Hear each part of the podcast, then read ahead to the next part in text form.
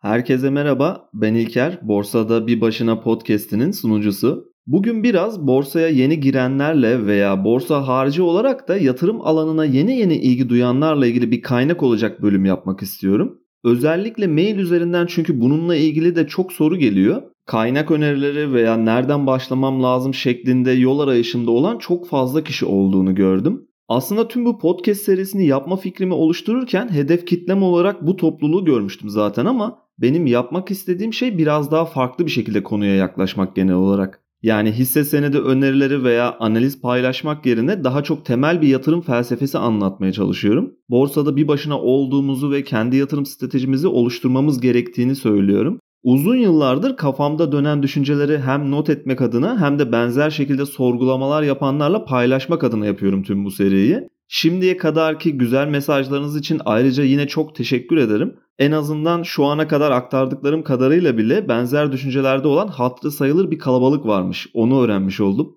Ayrıca sadece güzel mesajlar değil, özellikle eleştirmek istediğiniz her konuda bana ulaşabilirsiniz. Bu aslında benim daha çok hoşuma gider. Geliştirmem gereken veya bir konuyla ilgili paylaştığım fikirlerle ilgili eksik kaldığını gördüğünüz bir argümanı veya genel olarak podcast içeriklerine direkt eleştiri olarak geri dönüşleriniz benim için çok önemli. Ayrıca şu ana kadar içerik anlamında şunu da yapsan iyi olur veya bu konuya hiç baktın mı şeklinde önerilerde bulunanlara da ekstra bir teşekkür etmek istiyorum tekrardan. Şimdi ufaktan konumuza girelim. Yatırım dünyasına sıfırdan giriş yapmaya hazırlanan kişilere yönelik bir şeyler anlatmak istiyorum bugün. Tabi bu diğer daha tecrübeli topluluğu dışarıda bıraktığımız anlamına gelmiyor. Bence her zaman temele inmek ve basit olanı uygulamak herkes için en etkili yollardan biri. Efsane futbolcu Johan Cruyff'un bir sözü vardı. Futbol basit bir oyundur. Zor olan şey ise basit futbol oynamaktır diyordu. Bu aslında yatırım dünyası için de bence çok geçerli bir durum. Asıl zorlandığımız kısım gerçekten de bu işi temel anlamda basit yapmak. Çünkü kendimiz için durumu sürekli karmaşıklaştırıyoruz ve sonunda içinden çıkılmaz bir hal alıyor.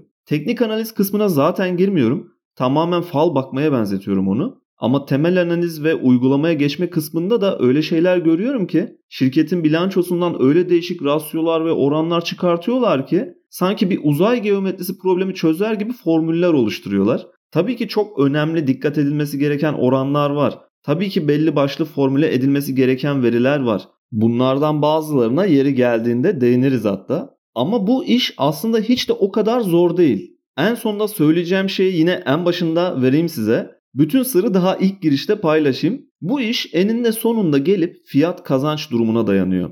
En basit tabiriyle FK yani. Yani daha temel olarak o şirketin önümüzdeki dönemde ne kadar kar edeceği üzerine bir tahmin oyunu aslında. Aslında işin temelinde bir şirketin değerini oluşturan en önemli veri o şirketin tabi sektör verileri oranında önümüzdeki süreçte elde edeceği karın kaç katı değerinde işlem göreceği. Şirketin önümüzdeki bilançoda veya önümüzdeki yılda hatta önümüzdeki 5 yılda karının ne olacağını hesaplayabiliyorsanız o zamanki fiyatının bu karının kaç katı olması gerektiğini düşünüp bunu da mevcut lot sayısına bölüp bir hisse fiyatı buluyorsanız aslında bu iş en basit temel anlamda tamamdır. Tüm mesele bu yani. Çok basit bir yatırım şekli gibi görünebilir ama bir şirketin 3 ay sonraki bilançosunu tahmin etmekle 5 yıl sonraki durumunu tahmin etmek arasında çok büyük bir fark var. Fakat burada da devreye kısa vadeli tahminlerin doğru olmasına rağmen şirketlerin değerlerine ulaşmaları çok daha uzun vadelere yayılması durumu var. Benjamin Graham'in bu konuda çok sevdiğim bir sözü var. Piyasa kısa vadede bir oylama makinesi ama uzun vadede bir tartı makinesidir diyor.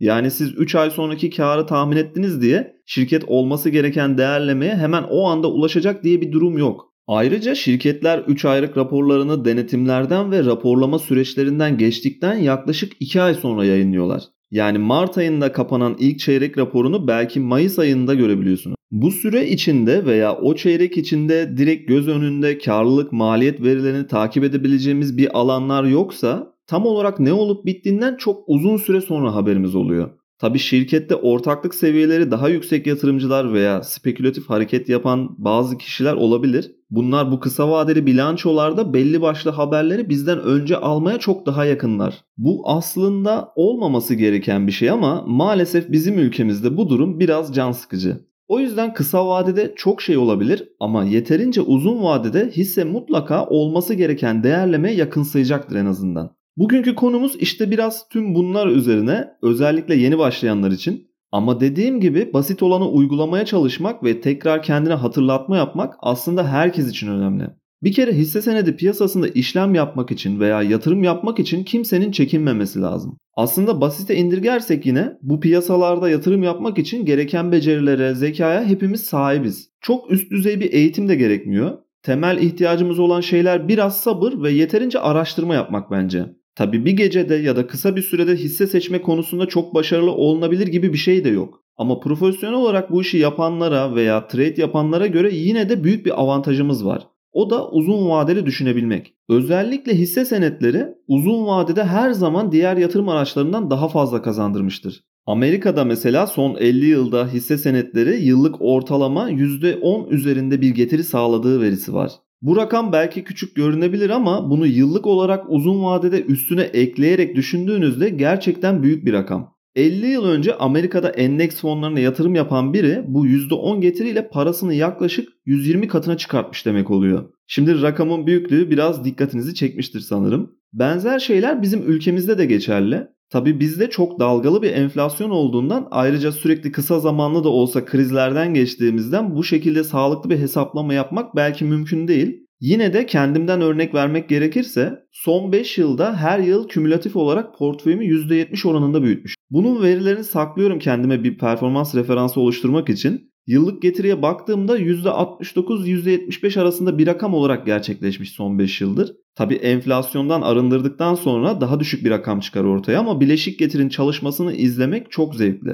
Bu sene enflasyon etkisiyle daha ciddi bir yükseliş var. Bakalım sene sonunda durumu daha net göreceğiz. Ve bunu hiçbir alsat işlemi yapmadan sadece basit bir şekilde şirket inceleyerek şirketlerin gelecek kar tahminlerini çok uzun vadede düşünüp yatırıma başlayarak yaptım. Bunu övünmek için değil aslında bu işin o kadar da zor olmadığını anlatmak için söylüyorum. Ve çeşitlendirme yapmak yerine daha odaklanmış bir portföy yönetmeye çalışıyorum kendi adıma. Bu çeşitlendirme alerjimden dolayı belki de yatırım yapamadığım ve fırsatları kaçırdığım birkaç hatam da olmuştur. Hatta bunlardan en pişman olduğum Vakko'yu çok uzun süredir takip edip bir türlü yatırım yapma fırsatı bulamamam olarak örnek verebilirim. Yatırım yapma kararları almamla ilgili sanırım daha önce birkaç örnek vermiştim. Vespe'ye ilk yatırımımı Erol Toy'un yazdığı Vehbi Koç'u anlatan kitaptan sonra karar vermiştim mesela. Belki alakasız görünüyor olabilir koçlarla ilgili bir şey okuyup zorlu grubuna yatırım yapmak ama tam olarak öyle değil. Kitapta sanırım 1940'lar Ankara'sını anlatırken o zaman orada koçların bu yeni tekstil işine giren zorlu kardeşlere karşı nasıl zorlandığını ve Vehbi Koç'un kendi sözlerinden yazılmış övgü dolu düşüncelerini gördükten sonra Vespe'yi daha derinlemesine araştırıp yatırım kararı almıştım. Benzer bir şekilde Vakko'nun kurucusu Vitali Hakko'nun hayat hikayesini ve şirketin iç dinamiklerini anlatan bir belgesel izledikten sonra bu şirketle ilgilenmeye başladım. Hatta o belgeselin linkini açıklamalar kısmına bırakırım. Tabi bu şirkete ayrıca kaynak yaratamadım. Çeşitlendirme yapmamak için de diğer taraflardan da pay kaydırması yapmadım. Hatta bir süre sonra o kadar ilgi alanım dışına çıktı ki sanırım 2020 pandemi öncesinde kendi online satış işlemlerini başlattıklarını bile duymadım o dönem. Sonrasında mağaza açma konusunda daha da iştahlandılar. Geçenlerde eşim kafelerinde bir arkadaşıyla oturduğunu anlattı. Tekrar aklıma geldi. Sanırım bu kafe işlerine de yeni girdiler. Bir dilim pasta, iki kahveye 200 lira vermişler. Eşim fiyatlara hayıflanırken ben rakamı duyunca uzun süredir yaşadığım pişmanlığı tekrar hissettim. Sanırım pandemiden sonra online satış işlerinin de iyi gitmesiyle ve yeni mağazalarla birlikte iyi bir ivme yakaladılar. Takip etmeyi bıraktığım dönemlerde 3 küsür liralardan işlem görüyordu 2019'da. Bugün baktım 21 lira olmuş. 3 yılda 7 kat gitmiş ve ben arkasından pişmanlık duymaya devam ediyorum. Ayrıca düzenli temettü ödemesi de var. Bunu aslında şirket ismi vermek için yapmıyorum. Sadece yatırım kararı vermede aslında durumun ne kadar basit olduğunu göstermeye çalışıyorum. Vitali Hakko ile ilgili bir belgesel izledim ve o dönem şirketi incelemem sonrasında değerli buldum ama yatırım yapmadım. Yatırım yaparken ilk aşama aslında bir şirketin hangi vizyonla yönetildiğini anlamaktan geçiyor. Bu yüzden bu örneği veriyorum. O dönemler aslında beni Vakko'dan ayıran başka bir şey de sanırım kimsenin onlar hakkında konuşmamasıydı. Acemi bir yatırımcı olarak şirket hakkında yorum aramaya başladığımda kimsenin Vakko ile ilgili bir şey paylaşmadığını gördüm. Temettü yatırımcılarının paylaştığı portföylere baktım. Kimsenin ilgilenmediğini gördüm. Sonuçta acemi biri olarak bu kadar insanın gözünden kaçmamıştır diye düşünüyorsunuz doğal olarak. Bugün bile hala çok beğendiğim bir şirket ama kimsenin portföyünde görmüyorum veya hakkında konuşulmuyor. Aslında bazı yatırımlar işte bazen de böyle sıkıcı görünebilen şirketlerde beklenmedik sonuçlar verebiliyor. Bu yüzden borsada bir başına izliyorum aslında. Kendi kararlarımızı kendi adımıza vermeliyiz. Genel kanının aksine eğer yaptığımız araştırma sonucu bir şeylerin doğruluğuna inanıyorsak onunla ilgili adımlar da atmalıyız. Neyse konuyu dağıttık biraz. Kısaca uzun vadeli düşünmek çok önemli. Kendi adıma konuşmak gerekirse son 5 yılda sadece bir kez sat tuşuna bastım. Covid salgını henüz daha Wuhan'da 100 kişiyi öldürmüşken daha Çin dışına bile çıkmamışken bütün portföyü sattım. Türkiye'ye gelmesi, piyasaları etkilemesi için 3 ay daha geçti. 17 Mart 19 Mart tarihleri de hiç unutmuyorum. Piyasalar yerle bir oldu. Beklediğim şey 3 ay sonra da olsa gerçekleşmişti. Ben ondan sonrası için tamamen bir kıyamet senaryosu bekliyordum ayrıca. Fakat tam tersi oldu ve piyasalar tekrar toparlanıp yükselmeye başladı. Sattığım hisseleri hemen hemen aynı fiyatlardan geri aldım ve o günden sonra da bir daha sat tuşuna basmadım. Uzun vadeli hareket etmek çok önemli yani. Kısa vadeli haber akışlarının ve şirketin iç dinamiklerinde bir değişiklik yaratmayan bilgilerin tamamından uzak durmak gerekiyor. 5 yıl, 10 yıl, 20 yıl sonrasını düşünmek önemli olan. O zaman yatırımcı oluyorsunuz aslında. Warren Buffett'ın çok sevdiğim bir sözü var. Eğer bir hisseye 10 sene sahip olacağınızı düşünmüyorsanız 10 dakika bile tutmayın diyor. Basit ama derin bir söz bana göre. Bir hisseye 10 yıl sahip olabilmek için onunla ilgili çok sevdiğiniz bir şeyler olmalı. Gördüğünüz bir değer olmalı ileriye yönelik. Kısa vadeli, uzun vadeli tahminlerden bahsetmiştik daha önce. Bununla ilgili yapılan bir araştırmada insanların kısa vadede daha hayalperest, uzun vadede daha realist olduğunu söylüyor. Gerçekten de uzun vadeli tahminler yaparken daha temkinli davranırız aslında. En kötü senaryoları düşünürüz. Ayaklarımız daha bir yere basar. O yüzden de 10 yıl sahip olmayı isteyeceğimiz bir şey için daha dikkatli davranırız. Warren Buffett'ın o sözünü bu şekilde anlamak lazım bana göre. Ayrıca piyasalar kısa vadede oldukça volatil hareket edebilir. Hatta bir sene içinde bir hissenin fiyatı aşağı veya yukarı yönlü %50'den fazla değişiyor olabilir çoğu zaman. Bir seneyi kısa vadeli, 5 seneyi orta vade, 10 seneyi uzun vadeli olarak görüyorum ben kendi adıma. Yani bir iki senelik bir yatırım aracı olarak düşünmek borsayı bence çok yanlış sonuçlar verir. Elinizde bir para olduğunu varsayalım çocuğunuzun okul parası veya sizin eğitim için yaptığınız birikim veya aldığınız krediyle oluşan bir nakit var diyelim. Sadece ters bir kısa vadeli hareketle bu başka alanlarda ihtiyacınız olacak parayı belki bir seneden fazla bekletmek zorunda kalabilirsiniz bu piyasalarda. 5 yıl boyunca 10 yıl boyunca ihtiyaç duymayacağınız bir parayla yatırım yapmak o yüzden daha sağlıklı. Veya gelirinizden yarattığınız kesintilerle bu dokunmayacağınız tasarruflarınızı düzenli olarak piyasaya sokmak mantıklı olur. Çünkü en önemli noktalardan biri hep bahsettiğim bileşik getirin çalışmasını görmeye başlamak. O noktadan sonra portföyünüze sadece siz zarar verebilirsiniz, piyasa değil. Peter Lynch bu vade ve kazanç konusuyla ilgili çok güzel bir şey söylüyor.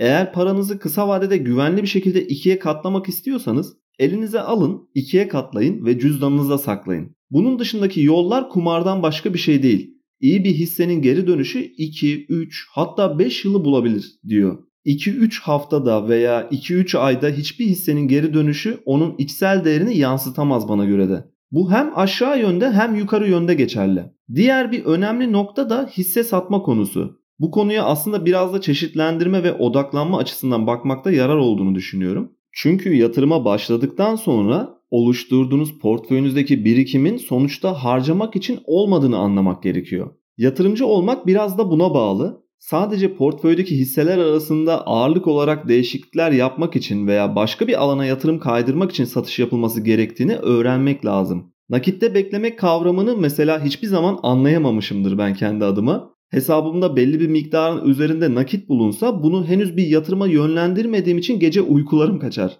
Yabancıların cash is trash diye bir tabiri vardır. Özellikle bizim gibi ülkelerde nakitte beklemek enflasyon açısından çok ciddi zararlar verebilir portföyünüze. Henüz yatırıma yönlendirilmemiş birikimi altın veya döviz cinsinden saklamak çok önemli bence. Veya yatırımdan çıkartılan paraya yeni bir yer bulana kadar bu şekilde en azından değerinin korunmasını sağlamak lazım. Bunlar dışında portföy ayarlamaları yaparken satışlar yapılabilir. Şöyle düşünmek lazım aslında. Elinizde 10 tane hisse senedi olduğunu varsayarsak tüm bunlar ayrı sektörlerde olabilir. Çok farklı hikayeleri de olacaktır tabii mutlaka. Bir şirkette artık giriş yaptığınızdaki hikayenin devam ettiğini görmüyorsanız veya yönetimsel beğenmediğiniz politikalar yapılmaya başlanmışsa veya sizin o hisseyi alma nedenleriniz kaybolduysa çıkış yapma zamanı gelmiş demektir. 10 tane farklı poker masasında her elinizde farklı güçte kağıtlar olduğunu düşünün. Pullarınızı tabii ki kazanması en olası ellere dağıtmak istersiniz. Hisse senedi satışlarını da buna benzetebiliriz bir noktada. A hissesi bekleneni veremeyecekse, aldığınız şartlara göre bozulma varsa, hikayesi daha iyiye giden ve beklentileri yerine getiren B hissesinin ağırlığını arttırmak daha mantıklı olabilir. Ve yine söylemem lazım, 10 tane farklı ele odaklanarak takip etmek de mümkün değil en iyi tahminlerinize ve beklentilerinize yoğunlaşmak yani çeşitlendirmeden uzak durup odaklanmanın daha faydalı olacağını düşünüyorum. Şunu da unutmamak lazım. Bir şirket hakkında kendinizce anlattığınız hikayenin sonuçlarını geceden sabaha görmek mümkün değil. Belki sonuçları görmek birkaç yılı bile alabilir. Bu şirket hikayelerine piyasalar tarafından inanılması için zaman vermek gerek. Bu iyi hisseleri seçmek için bireysel yatırımcı olarak en önemli avantajımız aslında onları sıradan insanların gözünden görebilmek. Peter Lynch bu tip hisseler seçme konusunda çok meşhur. Genellikle çevrenizde bulunan ne iş yaptığını bildiğiniz ve anlayabildiğiniz şirketlere yönelin diyor. Vakka örneğini de aslında bu yüzden verdim. Bir dilim pasta ve iki kahveye 200 lira aldıkları bilgisini tüketici olarak öğrenebiliyorum çünkü şirketten. Ve bu fahiş fiyat bir yandan da hoşuma gidiyor. Alıcı bulduğunu da biliyorum çünkü. Çevremizde günlük hayatta sürekli karşımızda olan o kadar fazla şirket borsada işlem görüyor ki böyle düşünmeye başlayınca bu şirketleri çok daha rahat tespit edebiliyorsunuz. Bu şirketler yerel firmalardan da seçilebilir. Ne yaptıklarını daha iyi takip edebilirsiniz. Ayrıca tüketicisi olunan firmaların hisseleri de her zaman sahip olunabilecek bir hisse olabilir. Beyaz eşya sektöründe mesela Vespe veya Arçelik var. Bunlardan hangisini tüketici olarak seçiyorsanız aslında bu size hisse için en yol gösterici veri olabilir. Çünkü onu tercih etmenizin o firmanın ürün satış yeteneğiyle ve ürünlerinin kalitesiyle mutlaka bir bağlantısı vardır. Belki ürünleri ultra kaliteli olmayabilir ama fiyat performans olarak baktığınızda yine tercih kategorinize girebilir. Her gün evinizde veya sokakta birebir gördüğünüz hisselere yatırım yapmak bireysel yatırımcı için aslında büyük bir avantaj. Kendi çalıştığınız sektör özelinde şirketlere de yatırım yapabilirsiniz. En iyi bildiğiniz alan budur çünkü. Hiçbir fon yöneticisi o sektörü sizden daha iyi bilemez.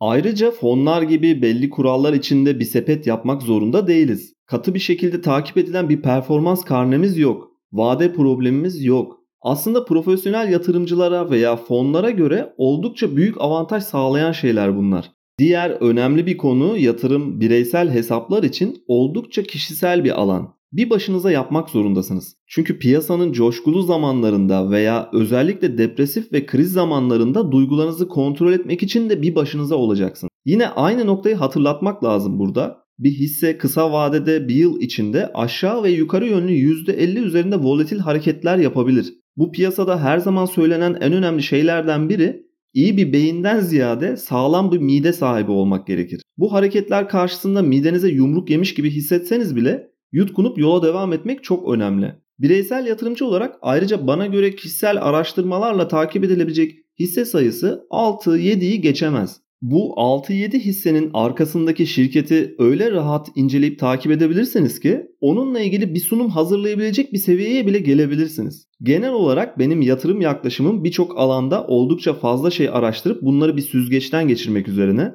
çok dağınık bilgi dağarcığımda yer eden ve beni etkileyen, en fazla anlayabildiğim ve geleceğine yönelik sağlam beklentilerim olan şirketleri filtrelemek. Sonra bunlar üzerine yoğunlaşıp harekete geçmek. 20 tane şirket hakkında biraz bir şeyler bilip yatırım yapmak yerine sadece birkaç tanesi hakkında oldukça derin araştırmaya girmek yeterli yani. Haftada birkaç kez haber akışlarına bakıp aylık olarak tekrar kontroller yapıp bunun üstüne çeyreklik raporları incelemek yeterli. Full time sürekli ekran başında olmaya da gerek yok. Diğer bir konu da haber akışları içinde kaybolma durumu var. Makroekonomik veri akışlarını saatlik, haftalık takip ederek market zamanlaması yapmak tamamen zaman kaybı aslında. Kimse piyasanın ne yapacağını tahmin edemez. Bunu anlamak lazım. Üstüne basa basa söylemek lazım. Piyasa irrasyoneldir. Bununla bağlantı kurduğum bir araştırmayı geçenlerde Twitter'da paylaşmıştım. Piyasada rekabetçi bir şekilde işbirlikçi davranmama üzerine bir davranış biçimi olduğunu düşünüyorum. Martin Schuwick'in 1971'de yayınladığı 5 sayfalık o kısa makaleyi yazdığım tweet serisi linkini açıklamalar kısmına bırakırım. Bir göz atarsanız bu işbirlikçi olmayan davranış biçimimiz konusunda ve piyasa psikolojisi açısından değişik bir bakış açısı sunuyor.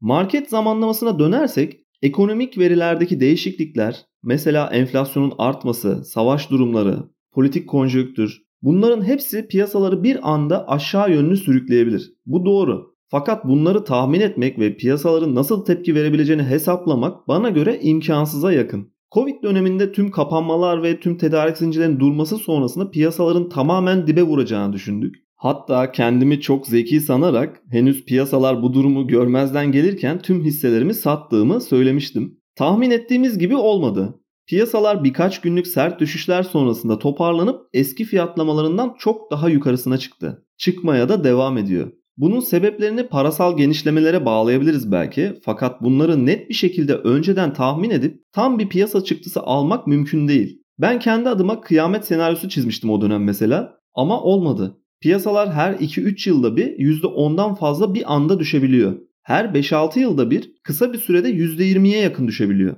Bu piyasa döngülerini yakalayıp zamanlama yapmaya çalışmak, hatta grafikler üzerinden fal bakmak bana göre zaman kaybından başka hiçbir şey değil. Tek bilmemiz gereken döngüsel bir şekilde piyasaların zaman zaman kriz dönemleri yaşadığı ve zaman zaman da coşkuya kapıldığı. Bizim için önemli olan tüm bunları kaldırabilecek sağlam bir midemizin olması. Ayrıca mucizeler yaratmak için çırpınmaya da gerek yok bu piyasada. Kimsenin görmediği, henüz keşfedilmemiş veya dikkat edilmemiş gizli hazineleri aramaya çalışmak çoğu zaman iyi sonuçlanmıyor. Ben bunu biraz futbolla özdeşleştiriyorum. Deplasman takımına veya lige yeni çıkmış bir takıma bahis oynamıyorum. Evinde rahat galibiyet alacağı düşünülen bir takıma da maç önü skor henüz 0-0 iken bahis almamaya çalışıyorum şirket seçerken. Maç 2-0, 3-0 olduğunda ve dakika 60'tan sonra bahis almanın hiçbir zararı yok. Hatta oldukça güvenli. Futboldan tek ve en önemli farkı 90 dakikanın sonunda piyasa sonlanmıyor. 3-0 önde olan ve top hakimiyeti olan bir takımın sabaha kadar oynasa yenilmeyeceğini bilerek şirket seçmeye çalışıyorum.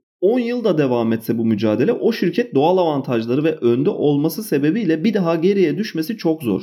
Ve bu sıkıcı şirketler aynı zamanda büyük ilgi altında olmadan ciddi kazançlar getirebiliyor. Bir şirket için benim açımdan en büyük avantaj sektöründe neredeyse bir monopoli kurması. Rekabet açısından ve yeni rakipler açısından sektörünün giriş barajının yüksek olması. Büyük korunaklı bir kalenin içinde etrafının hendeklerle çevrili bir piyasa içinde olması. Bu tarz şirketler hikayesi çok değişmediği sürece karlılığını sürekli arttırabilir. Satış baskısı çok olmaz. Kar marjlarını ayarlama konusunda skalası daha geniştir. Daha az çabayla daha büyük işler yapabilirler monopol olmayan şirketlere kıyasla. Tüm bunların yanında unutulmaması gereken belki de en önemli konu bir hissenin fiyatı mutlaka o şirketin yaptığı karları takip eder. Neredeyse her durumda eğer şirketin yaptığı karlar artıyorsa hisse fiyatının da artacağını söyleyebiliriz. Şirketin karları kötüyken biraz iyileştiğinde hissenin fiyatı da biraz artar. Şirketin karlılığı iyiden çok iyiye geçtiğinde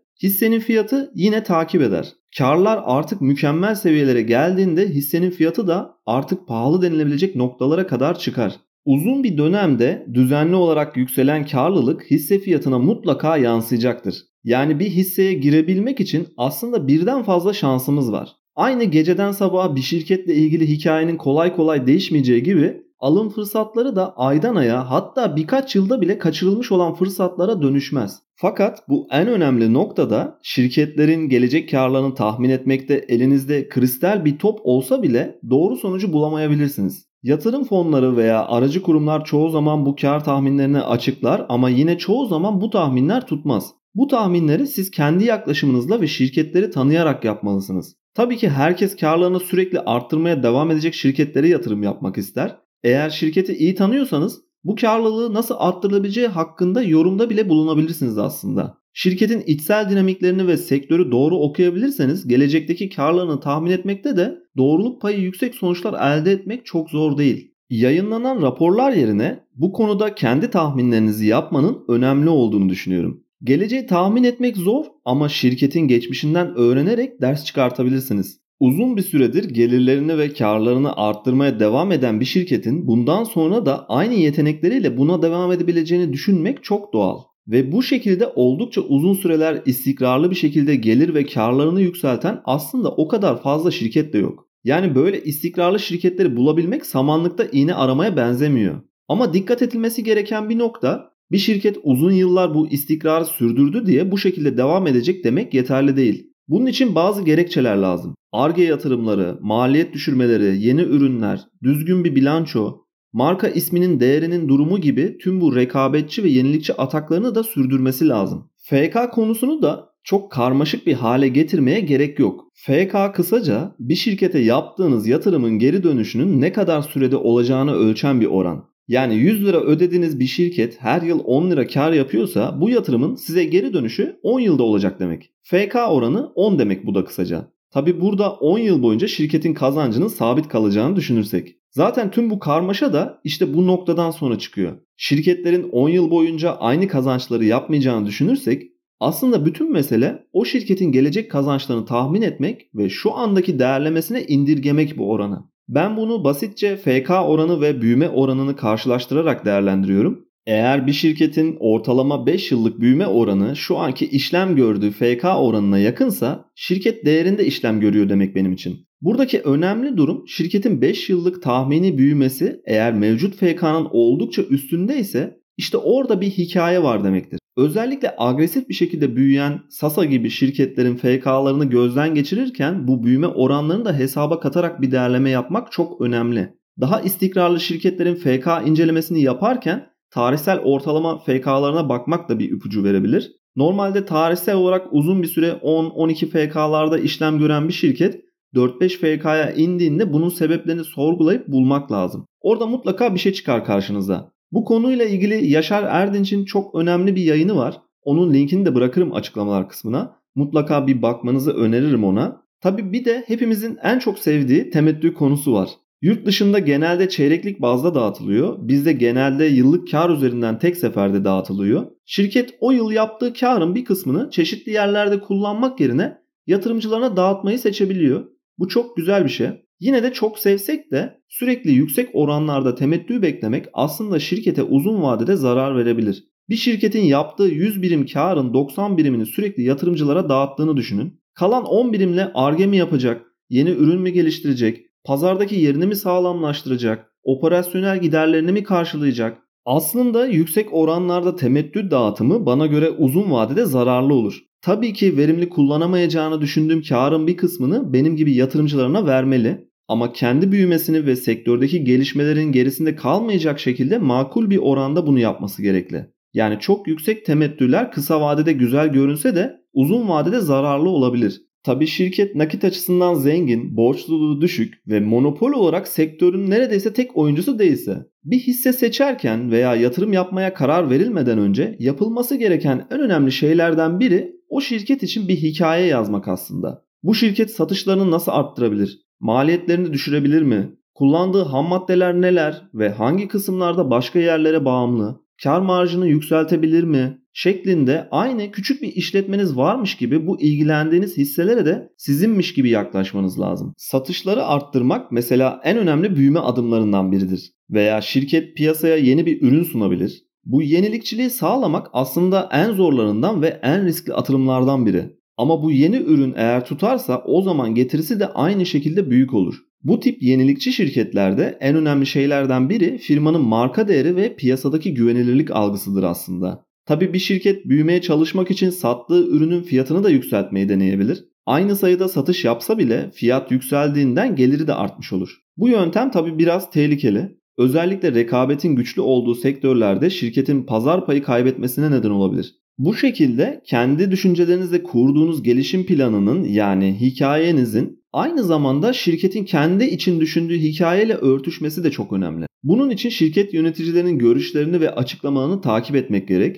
Aynı pencereden mi bakıyorsunuz? Şirket için benzer bir vizyon mu koydunuz? Bu sağlamayı yapmak lazım. Bu şekilde ayakları yere sağlam basan bir şirket hikayesi oluşturduğunuzda aslında elinizde çok güçlü bir analiz var demektir. Tabi bu filtrelemeleri yaptıktan sonra aslında elimizde incelemeye değer sınırlı sayıda şirketler kalıyor. Sonra bu şirketlerin hikayelerine bakmak lazım. Hikayede de problem yoksa şirketin değerlemesine geçebilirsiniz. Sonra fiyat kontrolü geliyor. Uygun görünüyorsa artık FK oranına bakabiliriz. Ve şirketin gelecek dönemler için FK tahminini yaptıktan sonra hala çekici görünüyorsa yatırım yapmaya uygun bir şirket bulundu demektir. Sonrasında şirkete odaklanmak gerek. Ne üretiyor, geliri nereden geliyor, rekabet ortamı nasıl, tüm dış sesleri engelleyip bu aşamaları tek tek kontrol etmek lazım. Kendi başınıza yaptığınız bu analizde durumun iyi mi yoksa kötü mü göründüğünü etki altında kalmadan tespiti çok önemli. En sonunda tüm bu aşamalardan geçtiğinde artık yatırım yapılabilir. Sonrasında eğer hisseniz beklediğiniz gibi gitmiyorsa belli bir süre bekleyebilmek çok önemli.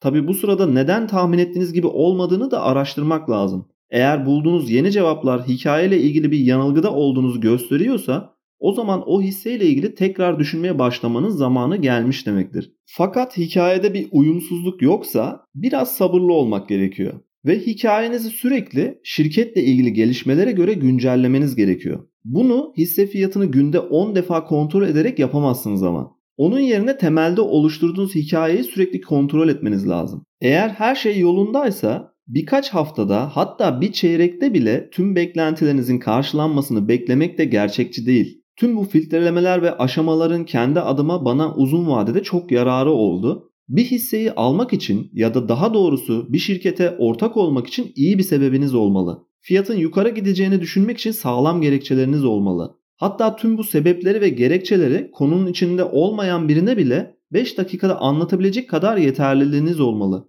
İyi bir şirket hikayesini de 5 yaşındaki bir çocuğa bile anlatabilmelisiniz aslında. Hikaye ne kadar karmaşıksa ve birçok farklı detayı varsa başarıya ulaşma ihtimali de o kadar düşer. Aslında ihtiyaç duyulan tek şey sadece basit bir hikaye ve net ölçülebilir sonuçları olabilecek hisse, şirket bulabilmek. Tabi bu hikayelerin değişmez, sabit birer parça olarak kalmasını da beklemek yanlış olur. Hikayeler sürekli evrilir ve değişir. Bunun takibi çok önemli Aynı başlarda verdiğimiz poker örneğindeki gibi oyunun başında sadece elinizdeki iki kartı bilirsiniz ve bahsinizi buna göre yaparsınız. Yere açılacak kartları beklersiniz. Yere her kart açılışında kartlarınızın hikayesi ve potansiyeli değişir. Bu yeni bilgiler ışığında hikayeniz tamamen saf dışı kalabilir. Belki çekilmek zorunda olabilirsiniz. Tabi bu benzetmelerden yola çıkıp da borsayı bir kumar yeri gibi görmemek ve yatırımları bu doğrultuda yapmak lazım. İşler kötü gittiğinde kusmamak, işler iyi giderken de coşkuya kapılmamak önemli.